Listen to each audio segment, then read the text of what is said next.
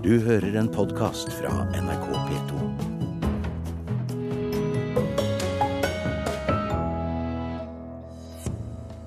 Internett som rekrutteringskanal skaper store utfordringer for PST, mener ekstremismeekspert. En morsom bok om Adolf Hitler er Tysklands mest populære roman i øyeblikket. Og den tredje Pelle politibil-filmen har premiere denne uken. Den er raskere og litt frekkere, og vi anmelder den.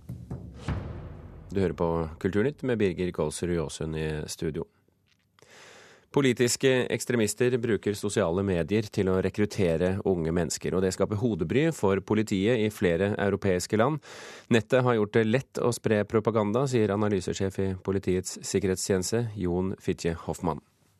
Det er en utfordring på den måten at eh, dette skaper nye arenaer. og eh, det er klart at eh, Både som en kommunikasjonskanal og som en informasjonskanal, så, så gjør dette her det lettere å spre propaganda. Og lettere for personer som er interessert i å finne den type propaganda. Jon Fitje Hoffmann er avdelingsdirektør i analyseavdelingen til Politiets sikkerhetstjeneste. Veldig mange blir eksponert for for videoer for, eh, for uh, ulik type retorikk og propaganda. og Dette er en, en arena som, som, er stor, og, og som det er svært vanskelig å ha oversikt over. Sosiale medier har blitt et nyttig verktøy for grupper som ønsker å rekruttere nye medlemmer inn i et ekstremt miljø, og til å bygge opp en sterkere organisasjon. Det er vanskelig å få full oversikt over disse og hvilke som utgjør en reell trussel, og det er dette som skaper nye utfordringer for PST. Eh, det vi ser etter, det vi er opptatt av, er å se på indikasjoner på planlegging av eh, voldsbruk. Eh, og det er jo svært få av de som ytrer seg både kritisk og, og provoserende og hatefullt, som, som har en faktisk intensjon om å begå voldshandlinger. Fra Haag i Nederland logger Europol seg på en Skype-linje. Ekstremisme på nett skaper hodebry i flere europeiske land, og i januar opprettet Europol et eget senter, European Cybercrime Center, som bl.a.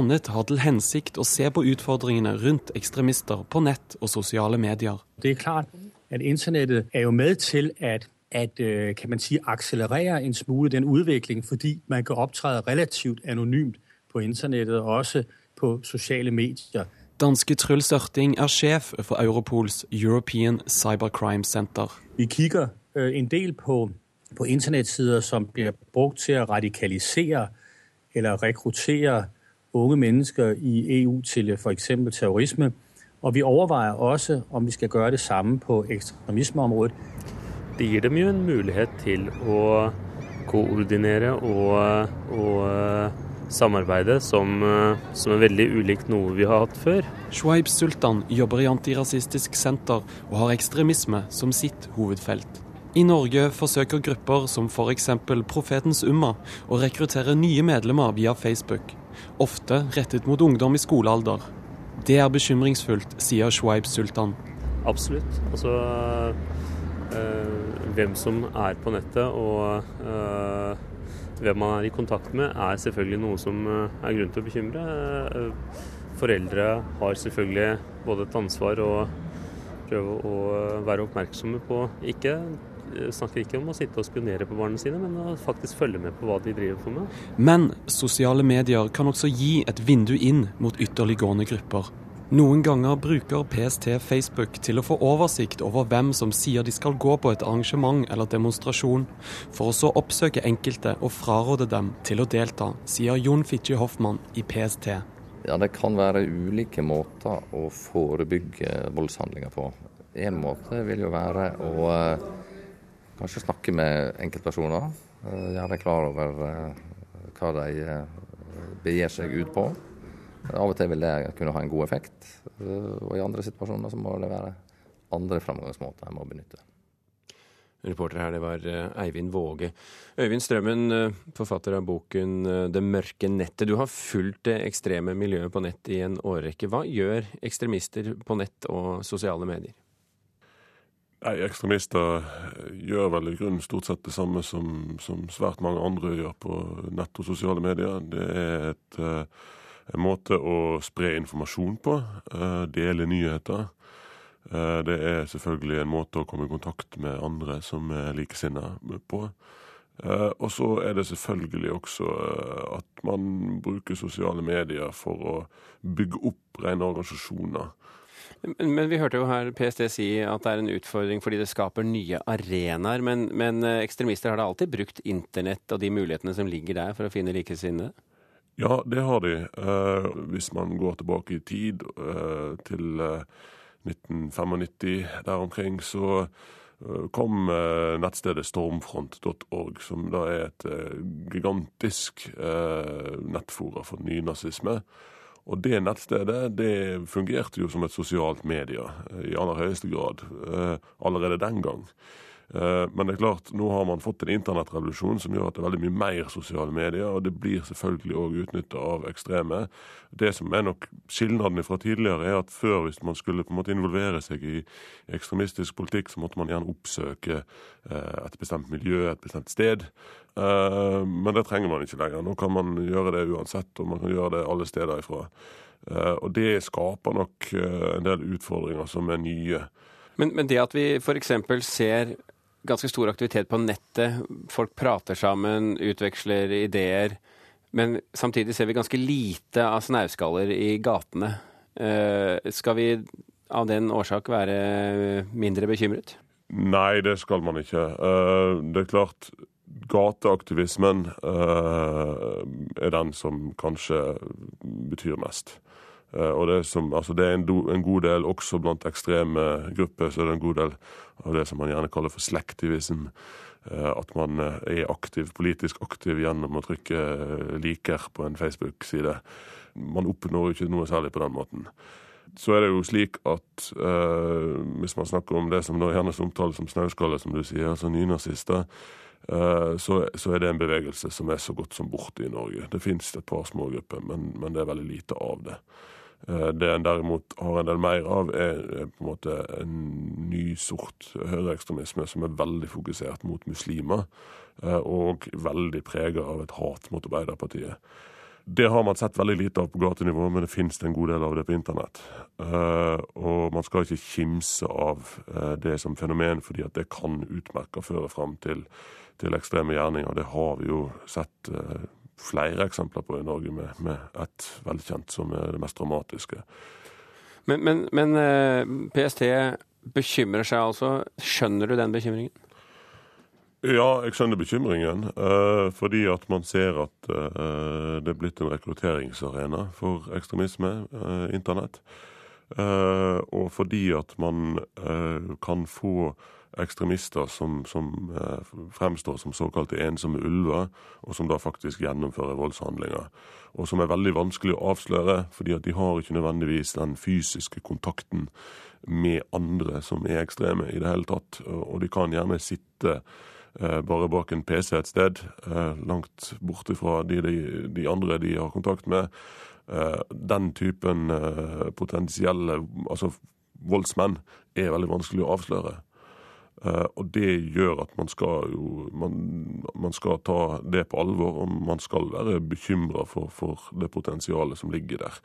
Uh, I form av ulike ekstreme ideologier der uh, folk kan bli inspirert til vold nå via internett.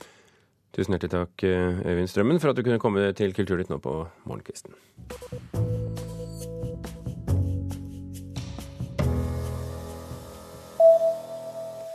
Studentorganisasjonen Islam Nett blir utestengt fra Universitetet i Oslo. Et enstemmig universitetsstyre støtter rektor Ole Petter Ottersen i avgjørelsen om å nekte Islam Nett å danne en studentforening, skriver studentavisen Universitas. Universitetsstyret mener Islamnet har drevet kjønnssegregerende praksis på sine møter, og har kommet med diskriminerende uttalelser mot homofile. Forskere ved IBM har laget verdens minste film.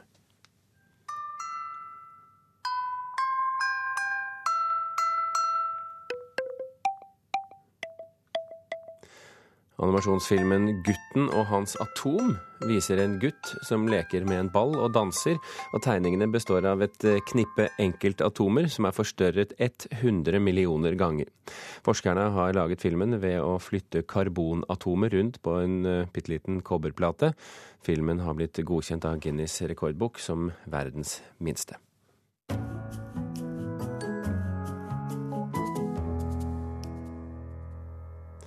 En morsom eh, bok om Adolf Hitler er Tysklands mest populære roman i øyeblikket.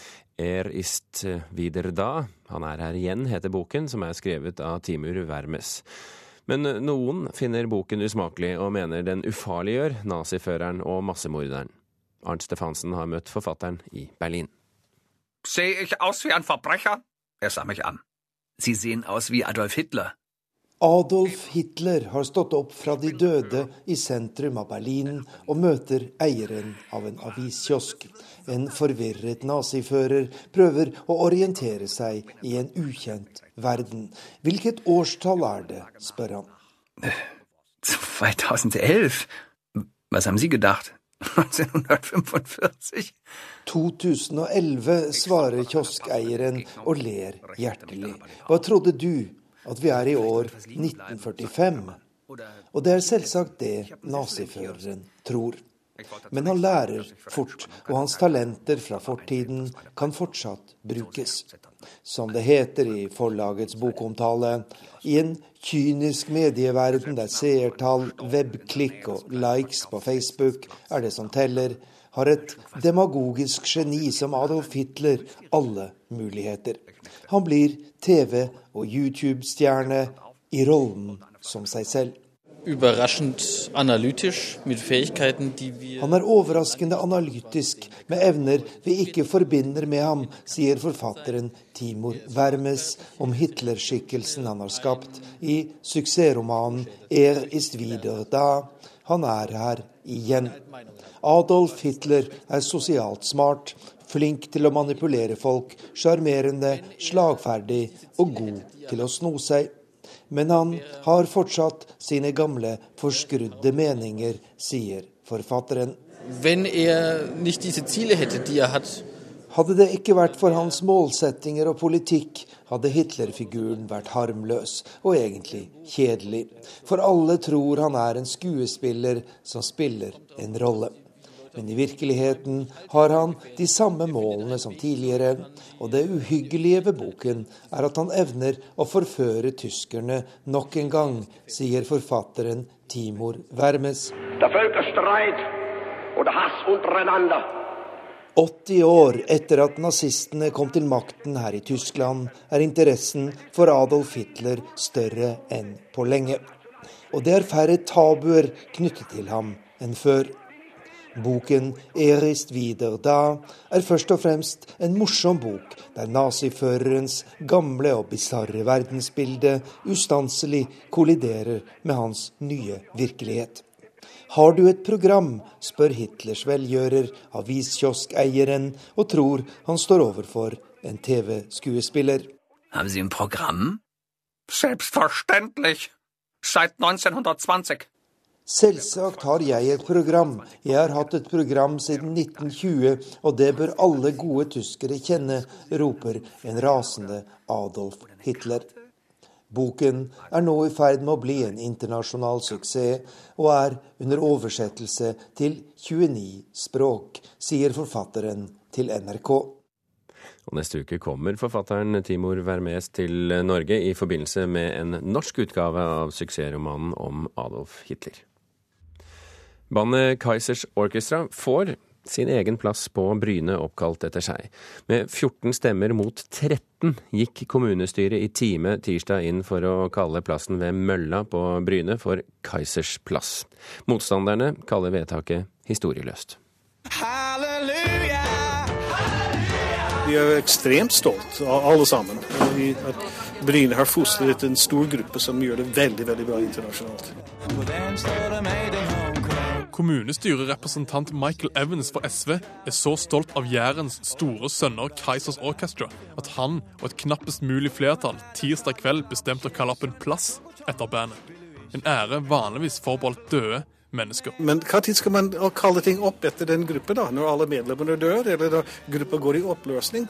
Så Poenget er at vi ruster opp det området nå. Det er nå vi gjør det. Altså Det beste musikk fra alle perioder overlever. Det blir ikke like populært, ikke spilt så mye radio, ikke sant. Men herregud, radioen spiller gamle låter, ikke sant. Jeg hørte a-ha på vei innover i dag. Det er 80-talls synthpop, gått helt av moten, men det er bra musikk. Spilles av og til. Sånn vil det være med Kaizers. De er blant det aller beste som skjedd i Norge på musikkfronten i de første årene dette århundret. Ser ikke vitsen. Kanskje litt naute. Folk på kjøpesenteret M44 i Bryne sentrum er ikke veldig begeistra for navneskiftet. Det er heller ikke Bjarne Undheim, kommunestyrerepresentant for Senterpartiet. Han stemte for at plassen skulle hete Mølleplassen. Så jeg, jeg føler det blir historieløst. Jeg har ingenting imot Keisers eller noen ting, men, men å like godt musikken. Men jeg føler dette blir feil til å gjøre det på denne måten. Det er ingen Trafalgar Square jærbandet får kalt opp etter seg.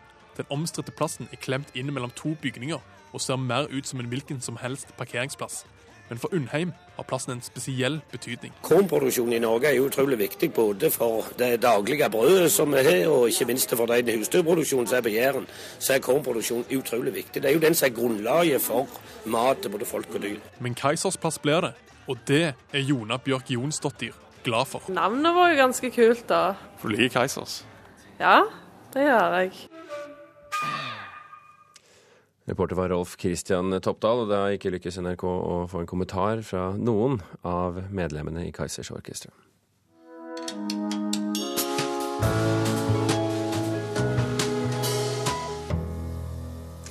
Den tredje Pelle politibil-filmen har premiere på norske kinoer denne uken. Animasjonsfilmen byr på massevis av morsomheter også for voksne, mener vår anmelder Einar Gullvåg Staalesen. Pelle politibil kjører raskere nå. Historien fra Bodø er tilpasset tidens rytme. Steike tute! Flytt deg! Det er ikke bare bra. Noen synes historien var enda mer magisk da eventyret var realfilm med levende mennesker og virkelig politibil, med øyelokk. Det er ti år siden den siste realfilmen. Det er 20 år siden de første TV-episodene, og det er enda lenger siden Pelle Politibil var barnetimestoff i radioen. Det var den gangen NRK hadde to radiokanaler. Mulighetene, bevegeligheten, hurtigheten, alt det der som skal fange barns interesse, kan skapes i digital animasjon, men er ubegripelig kostbart og tidkrevende i spillefilm. Konvensjonell tegnefilm er enda dyrere. De syntetiske fantasiene er grenseløse. Det går an å temme ørn i digital animasjon. Det går an å få oteren Oda til å delta aktivt i livets opp- og nedturer. Pelle kjører så hjulene ligger vannrett. Menneskefigurene er passe parodiske, og innholdet i historien er passe politisk korrekt. Det digitale landskapet er kopi av Kjerringøy. Det blir etablert ørnepark der, og bobilturister som forsøker å snakke tysk, ønsker å stjele ørn og egg og alt som har verdi på det miljøkriminelle markedet. Nei, nei, ikke norsk flagg. Nå er vi tyskere, Bitten. Hæ? Tyskere? Hvorfor det? For ikke å bli gjenkjent. Her nordpå er tyske bobiler vanligere enn fisk i fiskeboller. Jeg kan ikke tysk. An, aus, hinte, inn, osv. Pelle er politiets fremskutte ressurs på miljøområdet, og staker ut kurs og sideveier slik at han stadig er akkurat der han bør være. I en periode er kofferten foran, rugekasse for ørneegg og senere reir for den nyklekkede. Pelle går opp i saken til de grader at ørnungen tror politibilen med blålys er moren hennes. Det er en frisk fortelling. Det passer mange bonuspoeng for voksne, foreldre kjeder seg ikke. Samfunnsbildet er passe frekt tegnet. Og det er veldig stas at kronprinsessen, hun er ikke navngitt, er invitert til å åpne reservatet med de majestetiske ørnene. Majestet. Ja, kronprinsessestort, om jeg får si det sånn. Oppi reiret. Innen vi er kommet så langt i filmen, har kronprinsessen gjort noen innledende øvelser. Kjære landsmenn, Gjester. Politimester. Måtte hell og lykke følge deg på alle hav. Uh, nei, ah, nei, beklager, det var i går. Kan vi kalle dette foredlet folkelig humor? Rasmus Sivertsen har regissert. Han regisserte den forrige filmen også. Landets mest erfarne barnefilmprodusent har styringen med det meste ellers. Åge Aaberge heter han. Han har vært tilrettelegger og produsent for alle de tre kinoversjonene. Og han er kreditert som produsent for ti barnefilmer så langt i karrieren. Og Åge Aaberge møter du i Mørkets opplevelser i kveld eh, klokken 19 med Einar Gullvåg Staalesen. Rekordmange barn og unge i Tromsø har lyst til å bli skuespillere hos Lille Hålogaland teater. Søknadsfristen for å bli med i Barneteatret har nylig gått ut, og dobbelt så mange unge som sist vil, eh, vil bli med i konkurransen om å få stå på scenen. Barn har et eh, formidlingsbehov vi må ta på alvor, mener lederen for Barneteatret. Først så er det litt sånn du skal ut på scenen, og da er det litt sånn å krible litt, og du og liksom det, Du får sånn varm følelse i det, masse sommerfugl i magen. Det, det Sindre er klar for vårens siste teaterøvelse. Det er så deilig med det scenelyset som kommer og blender deg i øynene, og så står du der og ser på publikum og spiller med, og du bare lever deg inn i, i et stykke. Og åh, det er en fantastisk følelse. Nesten ubeskrivelig. Det er så fantastisk. Og du har søkt om å få være med videre, eller? Ja da, jeg har søkt. Ja, det har jeg. OK, da går vi. Laila Fagerheim er instruktør for skuespillerne, som er fra 10 til 15 år. Siste øvelse før uh, avslutninga. Sommeravslutninga. Ja. Så vi skal, uh, vi skal øve på noen skyggeteatervisninger som vi har laga. OK, da kan dere finne frem til dukken. Interessen for å lære teater på Lille HT er stor, forteller Katrine Strøm. Hun er kunstnerisk leder. Vi har akkurat hatt, hatt søknadsrunde, og vi har fått inn 137 søkere. Det er ca. dobbelt så mange som det vi hadde da vi søkte barn og unge for tre år siden. Hva du leter etter, Peder? Jeg leter etter um, Den minste bukkene Bruse. Den minste bukkene Bruse spilles av Peder på 11 år. Ja, der er den. Og Trollet av Peder på snart 11 år. Jeg skal. Er det viktig at eh, barn og unge får mulighet til å spille teater? Ja, det er veldig viktig. Eh, det er, jeg opplever jo at barn og unge har et veldig stort uttrykksbehov. Og Vi ønsker jo på, i vår gruppe da, å ta utgangspunktet i hva barn og unge i dag er opptatt av, og så lage teater med utgangspunkt i det. Så vi har ikke sånn at vi er nødt til å sette opp det og det, den og den forestillinga som er kjent fra før. Sånn, vi får lov til å lage våre eh, egne forestillinger helt fra bunnen av, og da kan vi komme tett på hva de tenker og hva de, hva de, er opptatt av, og så lage teater med utgangspunkt i det. Um, man får jo uttrykke seg nå har det vært sånn ny søknadsrunde for å være med videre på Lille HT. Har du søkt, eller? Ja. Hvordan tror du det går? Jeg får håpe at det går bra. Det er jo veldig tidskrevende det å bruke barn i prosessen, men, men det er så viktig, og det er helt nødvendig for å klare å skape teater som barn og unge i dag er opptatt av, og som, som, de kan speile seg i. Det blir ærligere, og det blir nærmere, og det blir eh, mer ekte. At det blir sterkere teater hvis unger får spille unger? Ja, og får spille ut de følelsene som man kanskje prøver å beskytte barn for. Og når de får muligheten til å faktisk spille de følelsene, så, så blir det veldig ekte. Og, og det skal jo kunsten være. Ja, det tror jeg faktisk litt.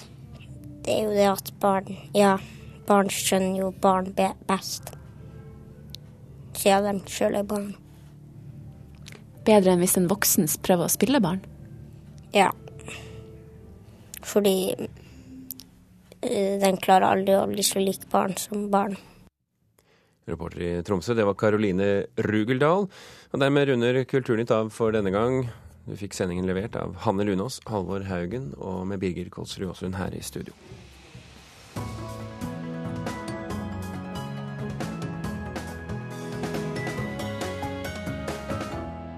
Du har hørt en podkast fra NRK P2.